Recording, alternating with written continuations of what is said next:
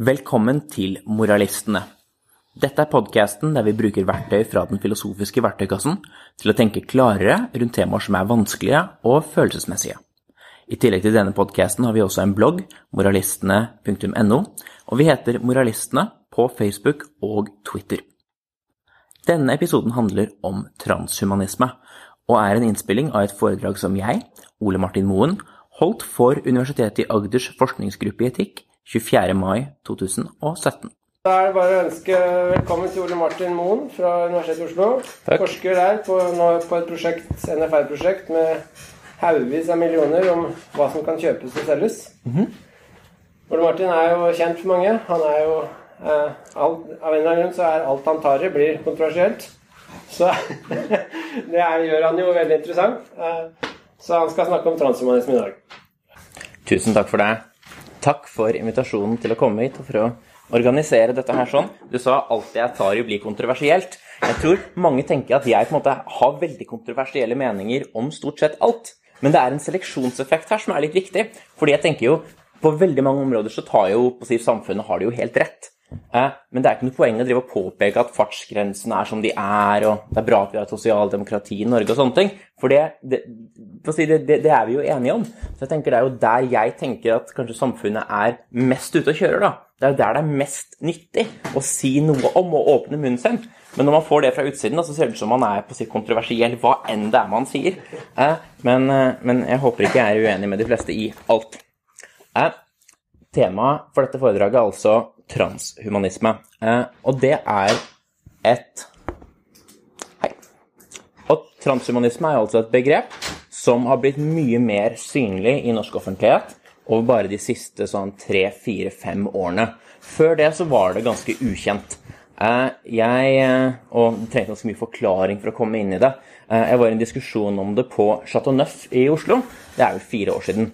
eh, Hvor vi hadde diskutert transhumanisme litt. og Da kom det en litt eldre dame bort til meg og, og spurte meg ja, er du transhumanist. spurte hun. Og så sa jeg ja, jo, jeg er jo, jeg er jo det, for så vidt. Så så hun på meg og sa hun, ja, jeg syntes jeg kunne se at du har byttet kjønn. Eh, eh, så eh, trans, Det er kanskje ikke akkurat kjønn vi transcenderer som transhumanister, eh, men dette er en ting jeg har fått av det, altså andre transhumanister som har fått den eh, tilsvarende eh, eh, kommentaren. Men det er altså, altså ikke det det er snakk om. Og nå virker det som om dette er et begrep som virkelig har nådd nye høyder. Så selv Vårt Land i går. Eh, så var det en debatt om transhumanisme der jeg fikk gjennomgå, Aksel Bråten Sterri fikk gjennomgå, og vår egen Einar Duenger Bøhn fikk gjennomgå. Der var det to anklager. Det ene var at transhumanister leker Gud. Det var på den ene siden av siden, ene innlegget. Andre var det at transhumanister spiller poker med djevelen. Så det er ganske store ord, det er ganske store motsetninger, som alle altså skal være transhumanisme. Eh, og jeg vil tro det er litt den debatten der som er på sin si bakgrunnen for at jeg ble invitert hit. Så hva er altså transhumanisme? Eh, en måte å nærme seg det spørsmålet på, er å spørre hva slags type ting er det? Hva, hva er den bredere kategorien som transhumanisme er en del av? Uh, hva er på å si genus for transhumanisme, kan man kanskje si, hvis man skal være litt på å si, filosofisk. Uh, og Einar har foreslått i et eh, innlegg han skrev på forskning.no at transhumanisme først og fremst er en bevegelse. Uh, og det er for så vidt riktig at det er en transhumanistisk bevegelse. Det er folk som har søkt et betydelig lengre liv, utryddelse av sykdommer, bedre kognitive ferdigheter, eh, høyere lykkenivå og slike ting ved hjelp av teknologi. Og det er det Wikipedia sier, jeg var inne på den også i dag, den sier transhumanism is a movement. Og så en mer spesifisering, da. Men det er altså bevegelse eller movement som er det, er det sentrale. Det kan fungere som en definisjon, men sånn som jeg ser det, er det mer en slags idéhistorisk definisjon enn det er en filosofisk definisjon. Det er en definisjon som sier noe om det historiske fenomenet der folk har vært transhumanister, men rent filosofisk så vet jeg ikke helt om jeg vil gå, gå med på det, og det vil kanskje heller ikke Einar. Så Einar tenker at vi kan prøve å lage en filosofidefinisjon ut av den mer på å si, idehistoriske. Jeg vil tenke litt omvendt, tenke kanskje det, filosof det filosofiske er det primære. Men Einar har i hvert fall en, en, en tanke om hva transhumanisme er, som jeg gjerne vil skrive opp. Einar skriver at transhumanisme er en påstand En påstand om at vi bør bruke teknologi til å forbedre mennesker. Om at vi bør bruke Skulle det stå der? Teknologi Teknologi til å forbedre mennesker. Og det er da en påstand. Eh, Det står det jo også i selve definisjonen. En påstand, og det er en normativ påstand, om at vi bør bruke teknologi til å forbedre mennesker. Det er en definisjon som har mye godt ved seg, men den er også litt problematisk, syns jeg, av to grunner. Eh, Den ene er at det å bruke teknologi til å forbedre mennesker eh, er noe vi på en måte alle sammen er med på uansett. Vi gjorde det helt fra vi begynte å lage helt enkle verktøy, begynte å sette sammen stein og treverk og lage noen klubber og slike ting. Så begynte vi strengt tatt å bruke teknologi til å forbedre oss og gjøre ting vi ikke gjorde før. Selv folk som måtte være litt sånn radikalt back to nature, vil likevel være med på at å forbedre oss gjennom teknologi er noe vi i hvert fall i noen, noen forstand bør gjøre. Så jeg tenker dette er en ganske vidtfavnende definisjon. Det tror jeg også er litt av Einars poeng, at den skal være ganske vidtfavnende. Eh, men det er én ting. Og det andre er det at vi bør forbedre mennesker. Det gjør at det er litt vanskelig å kunne være uenig med dette. For gitt at det nå en gang er en forbedring, så har man på en måte, tar man litt for gitt at det er godt. Så det vi bør, er altså noe som er godt. Eh, og og, og, den er det litt vanskelig å argumentere mot. Da blir spørsmålet hva er det egentlig som teller som en forbedring, da? Og da sier jo ikke definisjonen så veldig mye substansielt om hva transhumanister faktisk vil. Eh, så selv om jeg for så vidt er relativt enig, så tror jeg jeg vil foreslå en litt annen eh, definisjon. Så det er også eh, en påstand om at vi bør bruke Det vil jeg for så vidt være eh, en påstand, en påstand om at vi bør. Den skal vi ta påstand om at vi bør Hvordan var det jeg skrev det? Gjøre betydelige endringer. Om at vi bør bruke teknologi til å gjøre betydelige endringer. Betydelige endringer. Endringer i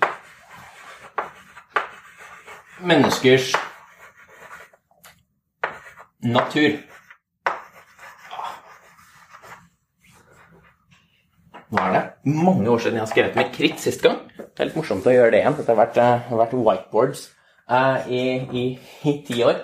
Så altså en påstand om at vi bør bruke teknologi til å gjøre betydelige endringer i menneskers natur. Uh, det er da en definisjon som sier litt mer. Den snakker om betydelige endringer i menneskets natur. Den er altså ikke fullt så vidtfavnende henviser til menneskets natur, på en måte som kanskje noen vil være uenig i også. Det tror jeg vil la stå der. Og det er også en definisjon som ikke nødvendigvis sier at utfallet er godt, eller at utfallet teller som en forbedring. Og det er altså slik jeg ser det, da, at siden, vi, siden transhumanismen nettopp er en påstand og ikke er en bevegelse, så er det altså slik at enhver som er enig i det, er en transhumanist, og enhver som er uenig i det, er ikke en transhumanist. Og de som eventuelt ikke vet om de er enige eller uenige, eller som kanskje ikke verken er enige eller uenige, blir da agnostiske overfor om transhumanisme er riktig. Og Her kommer vi til et ganske viktig poeng. Og det er at transhumanisme er bare denne påstanden. Ofte, og hos konkrete eksisterende transhumanister, så henger transhumanisme sammen med andre ideer som kan kombineres med transhumanisme. Men transhumanisme likevel er bare dette. Eh, og Einar gjorde meg eh, oppmerksom på at det er en del som kanskje tenker da, at i og med at jeg har si, vært en av de som har promotert transhumanisme en del i norsk media, at en del tenker at de tingene jeg mener, det er transhumanisme. Men jeg har en del meninger som henger sammen med min transhumanisme, men som ikke er nødvendiggjort av transhumanisme, og som kanskje også er enda mer på å si, nesten radikale enn transhumanisme. Og som også på en måte har kommet litt til overflaten i debatten, som jeg gjerne vil rydde litt i her. Jeg er f.eks en hedonist og en konsekvensialist. Jeg er ikke sikker på om de teoriene er riktige, men jeg heller mot at de er riktige. Og hedonisme, jeg kan bare kort si hva disse to tingene er, og hvordan det former min transhumanisme. Hedonisme er en teori om hva som er iboende godt, eller om man vil, en teori om hva som kjennetegner et godt utfall. Og det hedonister vil si, at det som kjennetegner et godt utfall, er at det er mer nytelse i det enn i andre utfall. Så alle andre ting som også kan være bra, vil hedonister si, er bra bare i den grad de bidrar til nytelse. Det er en ganske radikal verditeori, teori om hvilke ting som er iboende gode. Og det kan man være uenig i, eller man kan være enig i, man kan likevel være, være en transhumanist. Så en ting er hedonisme. Det andre er konsekvensialisme. Konsekvensialisme er en litt mer komplisert teori enn hva hedonisme er. Konsekvensialisme sier noe om at en handling er riktig bare i den grad den fremmer et godt utfall. Altså nytelse, da, i, i, i, slik jeg ser det. Eh, men en teori om at det er ingen andre begrensninger på det normative constraints på handlinger enn at de fremmer gode utfall. Så en konsekvensialist vil være en typisk person, en, noen som da mener at hvis vi må gjøre et onde for å kunne lage det vi vet vil være et større gode, så vil det være noe vi vil kunne være moralsk forpliktet til å gjøre. Og dette er kontroversielle standpunkter innenfor etikk, som ikke, som ikke, igjen, som ikke jeg er sikker på, men som jeg heller i retning av at antagelig, antagelig er riktige. Eh, og det er ideer som er kompatible med transhumanisme, og for en transhumanist vil dette forme hvordan ens type transhumanisme vil se ut. Eh, men det er, ikke, det er ingen nødvendig sammenkobling mellom disse. Eh, man trenger ikke å være en hedonist for å være transhumanist. Man kan mer i retning det Einar har tatt til orde for. Være en form for pluralist, der man tenker at kanskje nytelse er iboende godt, men kanskje det finnes andre ting som også er iboende godt. Kanskje mening, f.eks., er en ting i livet eller ting i verden som gjør verden bedre. Ikke i kraft av å bidra til nytelse igjen, men i kraft av seg selv. Eh, og det vil da forme hva slags type transhumanisme. Man står for hva man vil ønske å fremme, hvordan man vil søke å bruke teknologi eventuelt til å endre menneskers natur.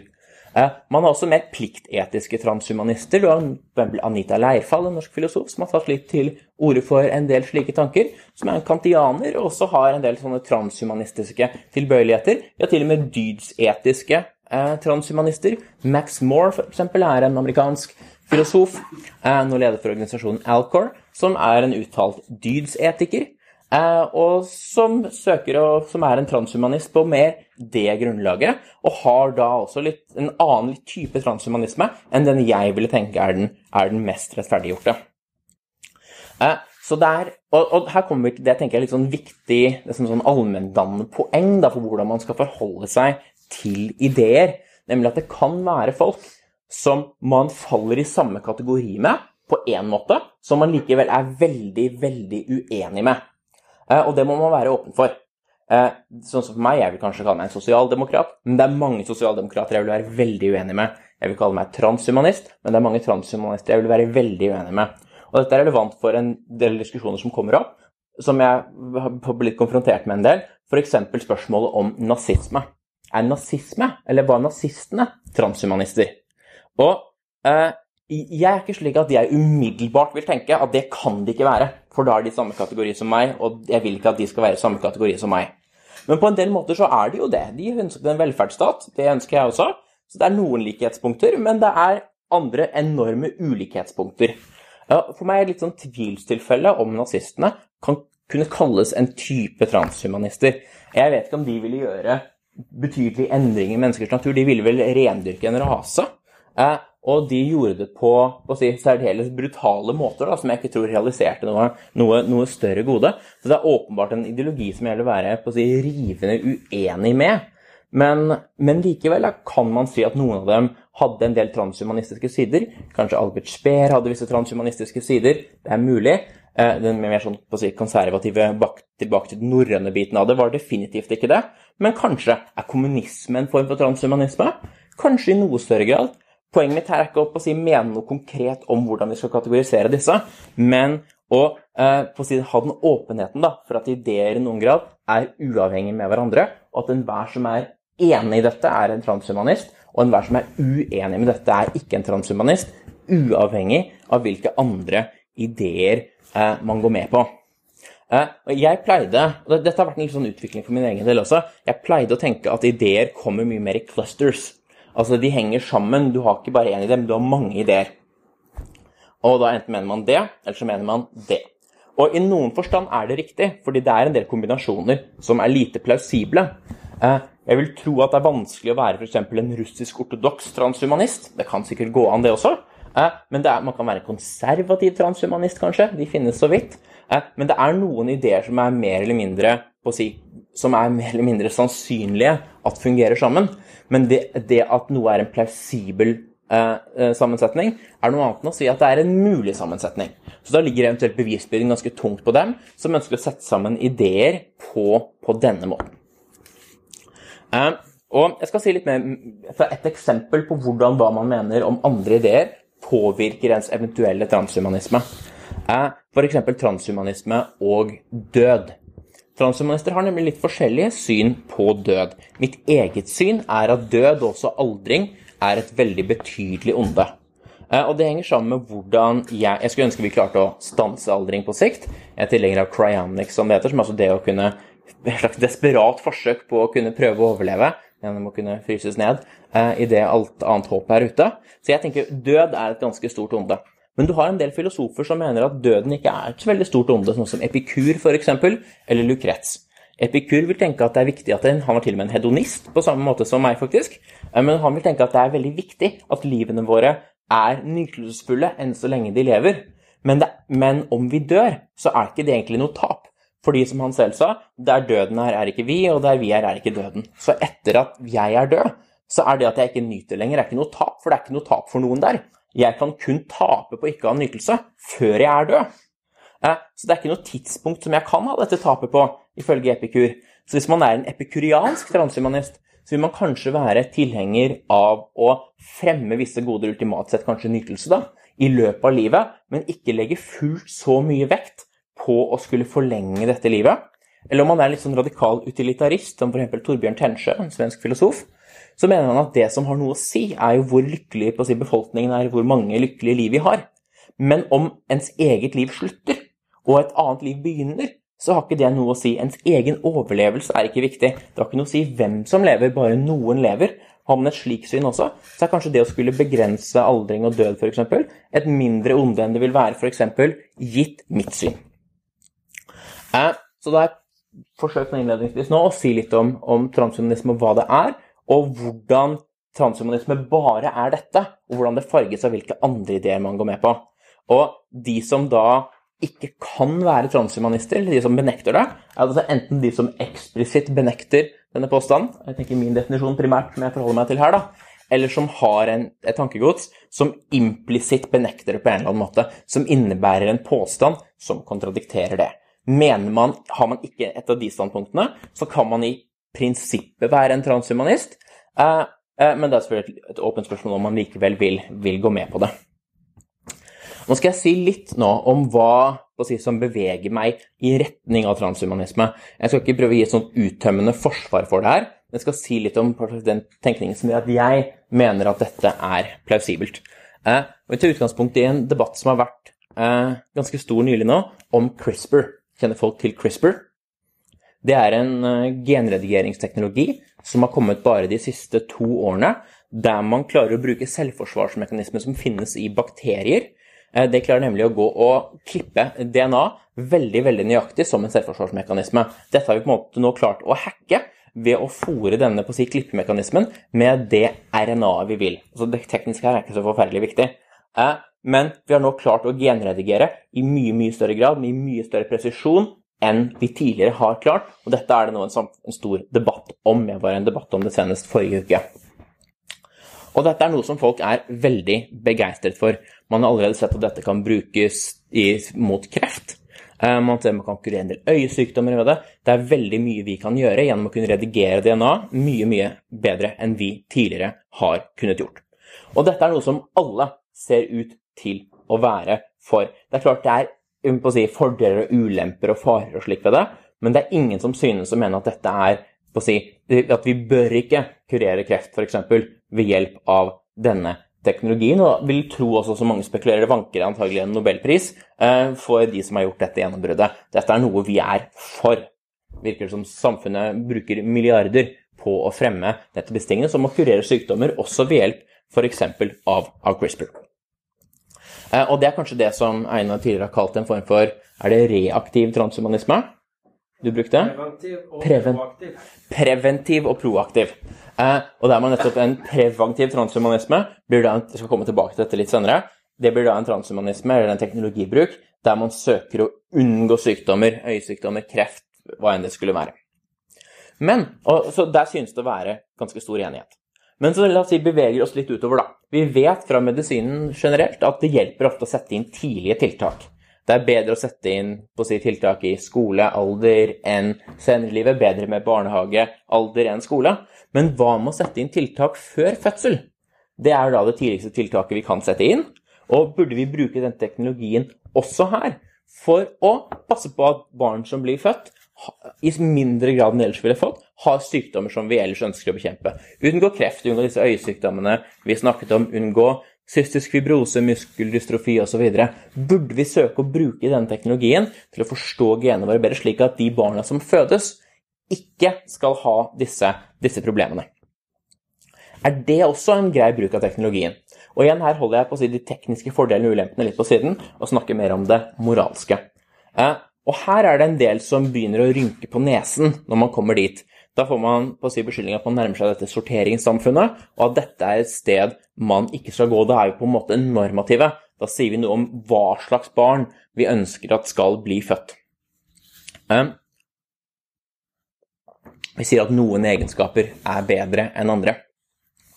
Men det er en type kritikk som iallfall jeg undrer meg litt over. Fordi eh, helsevesenet er jo også i sin natur normativt. Det er visse ting man ønsker å oppnå. Man bruker mye ressurser på å oppnå visse mål. Vi er alle enige i at vi bør prøve å unngå kreft, unngå forskjellige sykdommer. Cystisk fibrose, muskeldystrofi, hva er det? Vi setter masse krefter inn på å bekjempe dette.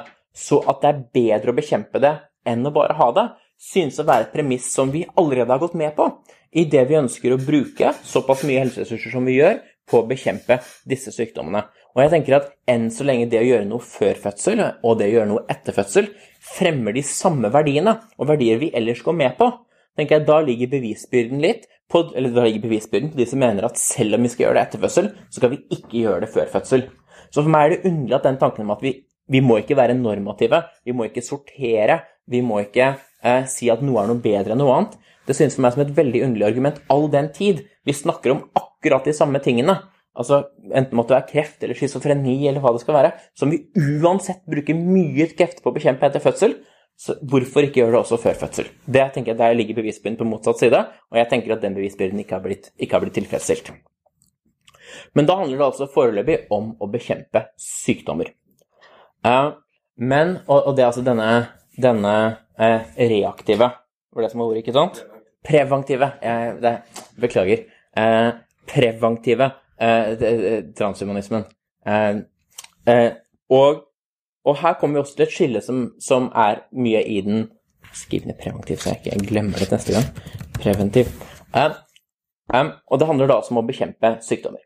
Men vi kan, vi kan bruke teknologi, og bioteknologi også, ikke bare til å bekjempe sykdommer, men også til å gjøre på å si, forbedringer, såkalt enhancement. Jeg syns enhancement kanskje er litt bedre. Forbedring er igjen så veldig tydelig normativt eller verdiladd, men å forsterke eller gjøre noe, no, løfte ting over i noen forstand, hva vi vanligvis har. Så man kan tenke seg at man har en slags sånn baseline i samfunnet, og da, da, har vi, da har vi helse, når vi er der. Og det helsevesenet prøver å gjøre, det er å løfte folk som er under, opp hit. Eh, men spørsmålet som vi kan som måte, Det kaller vi da terapi, kanskje. da. Men spørsmålet skal vi prøve å bruke den samme teknologien, ikke bare til å løfte de som er under, opp, men også, si, hvis vi har råd til det og hvis vi klarer det, da, skal vi også prøve å løfte folk opp over dette, slik at de kan bli enda sunnere og enda friskere. Eh, enda på å si, mer våkne, enda mer kanskje produktive, enda mer hvis man skal gå i en annen retning, snille, moralske, omtenksomme, empatiske, skal vi søke å bruke teknologi til å dytte folk også opp over dette.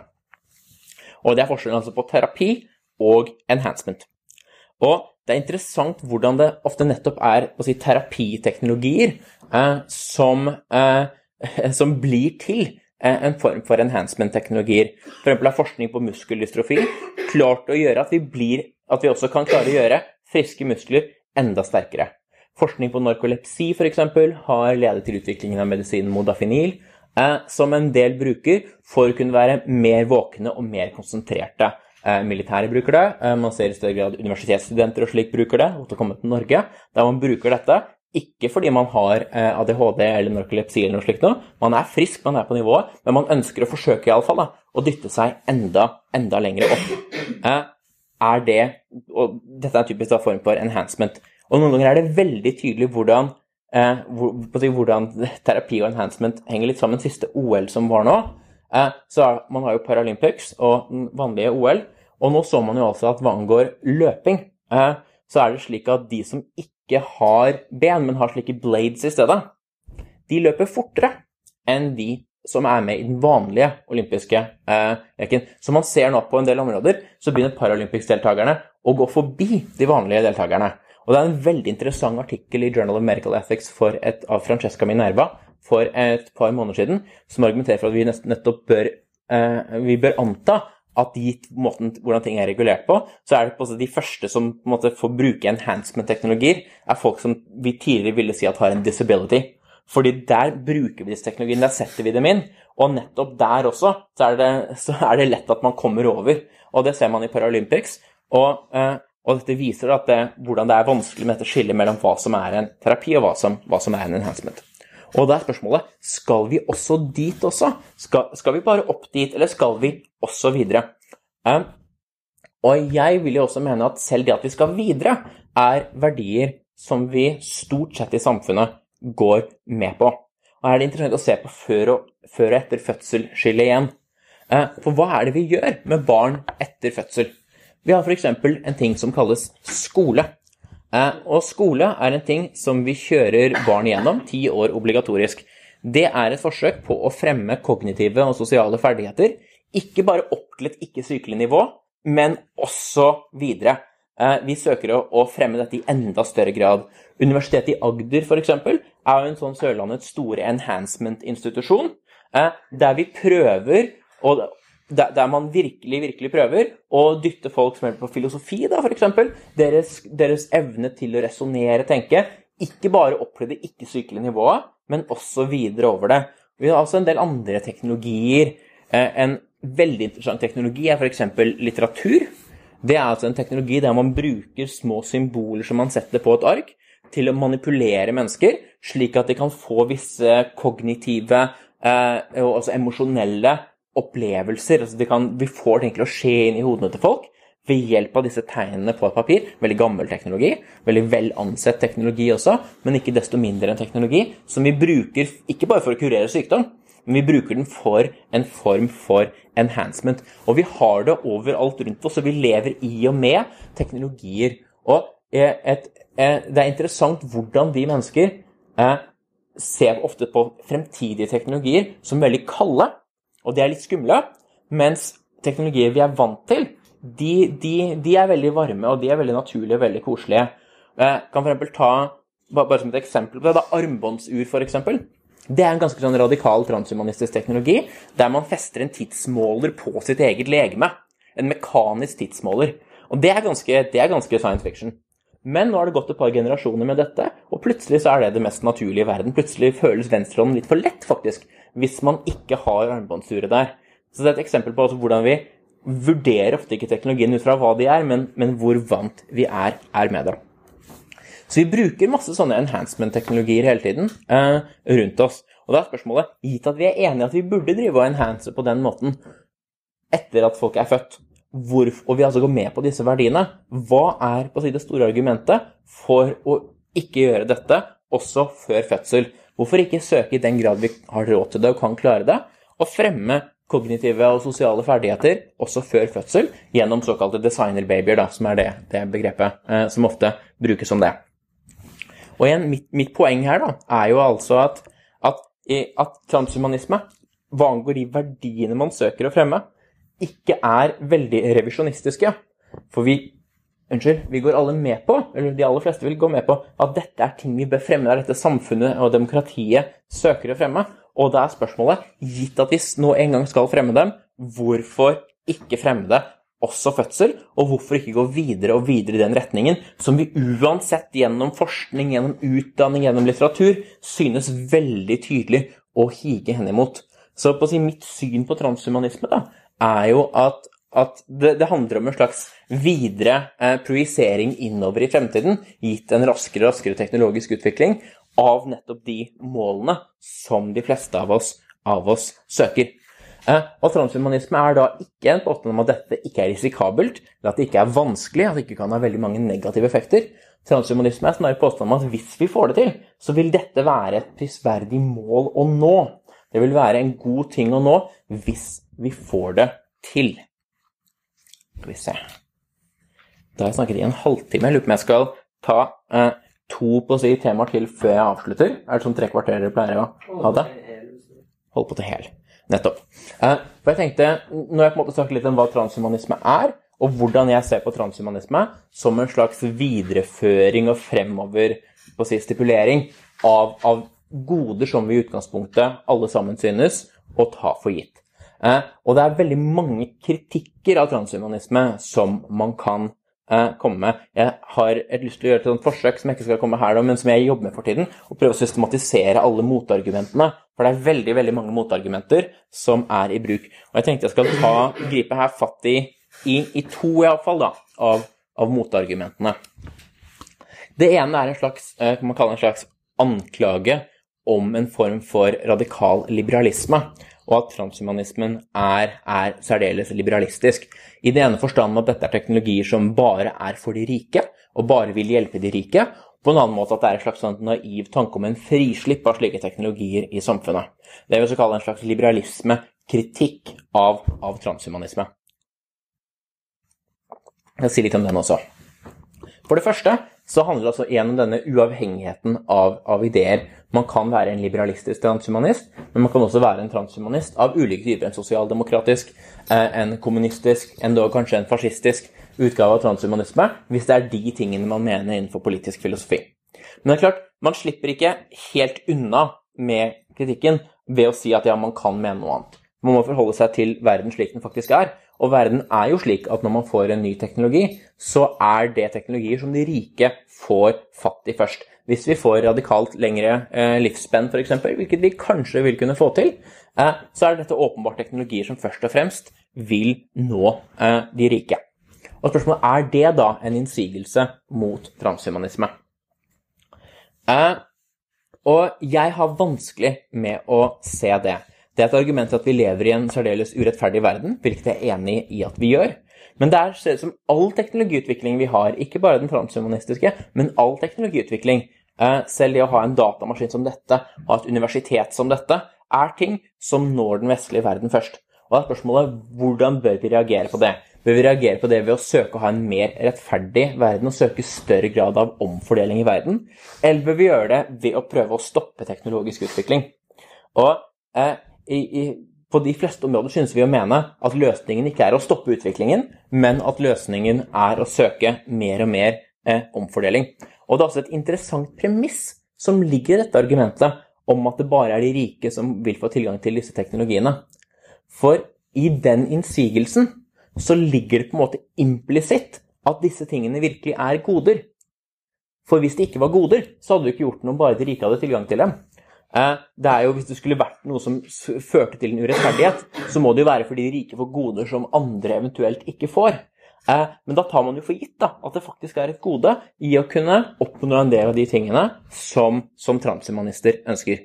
Jeg for min egen del skulle gjerne sett at vi hadde en mye mer egalitær verden. Jeg skulle gjerne sett at Norge som et sosialdemokrati, et veldig velfungerende sosialdemokrati, kunne være de som på en måte var i fronten av utviklingen av disse teknologiene, snarere enn at det f.eks. er USA eller Kina. Eh, men eh, det er altså den, den, ene biten av det. Jeg tenker Dette er argumenter for omfordeling, ikke argumenter mot transhumanisme. Og så har man den tanken om et sånt frislipp. Her kan man igjen appellere til at det å være for en veldig frislipp og en veldig åpenhet om dette, hvor alle skal kunne gjøre hva de vil, det er det noen transhumanister som mener. Men det finnes også transhumanister som ikke mener det. Noen transhumanister, sånn som Julian Savulescu f.eks., er livredd for disse teknologiene og sier at ja, det finnes på si et håp om at dette kan bli mye, mye bedre, men CRISPR f.eks. kan være livsfarlig og veldig veldig skummelt, særlig overfor biologisk krigføring. Hvilket er noe jeg er, er enig med. Så én ting er på en måte reguleringen av det. Man kan være for særdeles streng regulering, men likevel mene at det vil være bra å bruke disse teknologiene til å søke og gjøre betydelige endringer, endringer til det bedre, da, vil man jo selv mene, i, i menneskers natur. Eh, og det gjelder også slike ting som det jeg snakket om i stad, modafinil f.eks., som altså er et kognitivt eh, konsentrasjonsfremmende eh, middel. Eh, en, en, del er jo mot dette. Selv har jeg kaffe her, sånn, mens jeg flere sitter og slurper inn her, sånn, som også er et si, prestasjonsfremmende middel, som til og med er ganske vanedannende. Som, vi, som vi, vi, vi, får i oss, og som er veldig uregulert. Dette har alle tilgang til. Selv barn kan kjøpe kaffe. Men hva f.eks. burde vi gjøre da med, med stoff som modafinil? Kanskje er det stoff som har mer negative enn positive virkninger. I så fall kan det være en grunn til at dette ikke bør selges. Men la oss si det hadde mest positive virkninger. Hvordan kunne man i en slags sosialdemokratisk setting gjøre dette?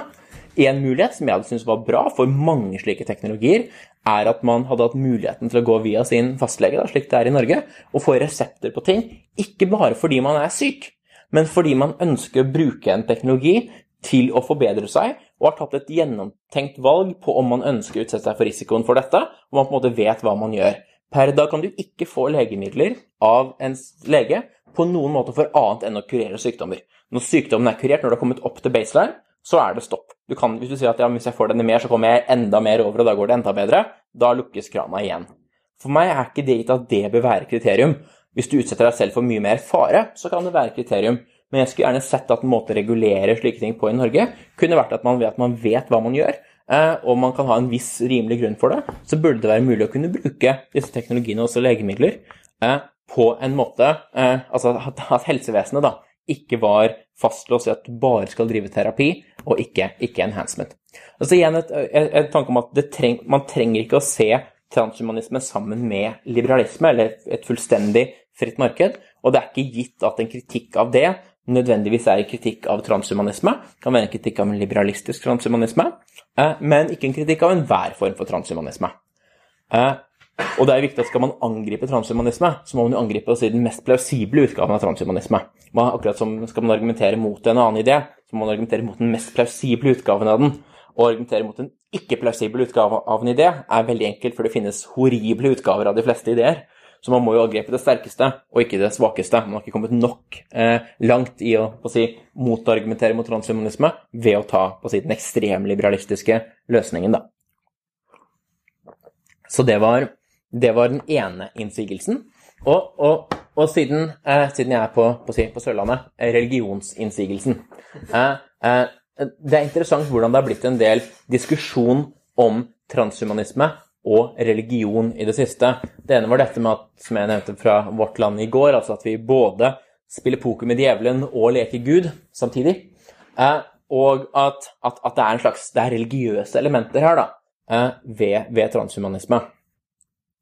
Og jeg er enig i at i én forstand så vil jeg gå med på denne kritikken og si at ja, det finnes i hvert fall ved en del typer transhumanisme, også transhumanisme som jeg vil være enig i, visse religiøse trekk, i den forstand at transhumanister har et håp.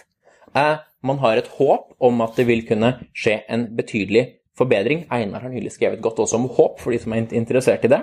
Eh, og eh, det er ikke gitt at dette nødvendigvis trenger å henge sammen med en tro på en gud eller en guddommelighet eller noe overnaturlig, som er den biten av religion som jeg selv er på å si, mer, mer kritisk til.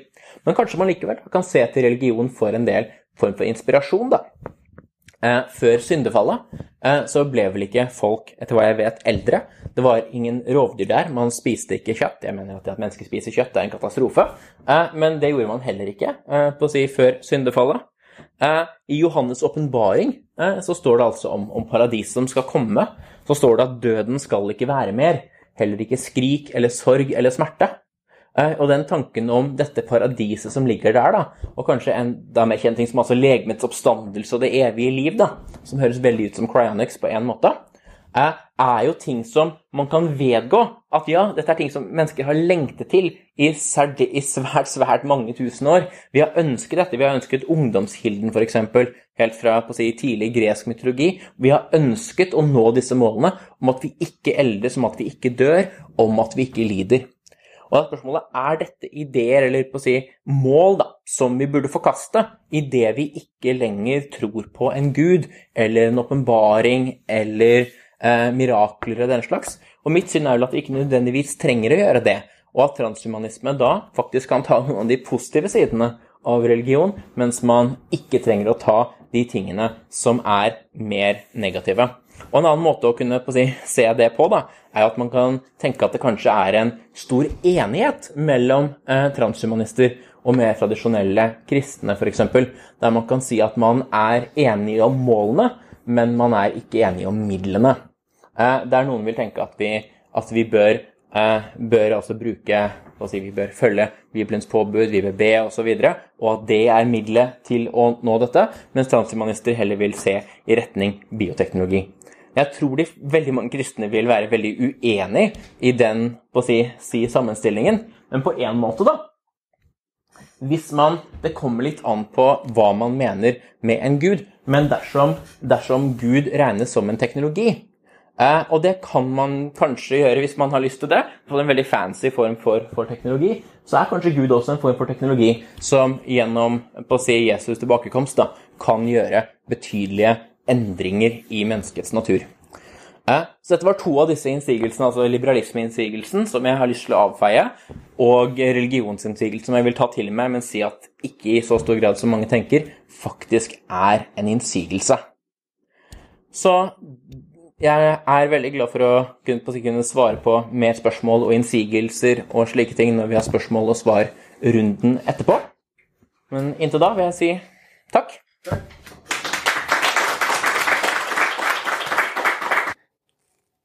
Du har nå lyttet til en episode av Moralistenes podkast. Denne finner du både i Soundcloud eller din favoritt-podkast-app. Så lik gjerne eller del, og husk å abonnere på podkasten. Hvis du vil vite mer om oss, så finner du oss også på moralistene.no. Der er bloggen vår, og vi heter Moralistene på både Facebook og Twitter. Takk for nå!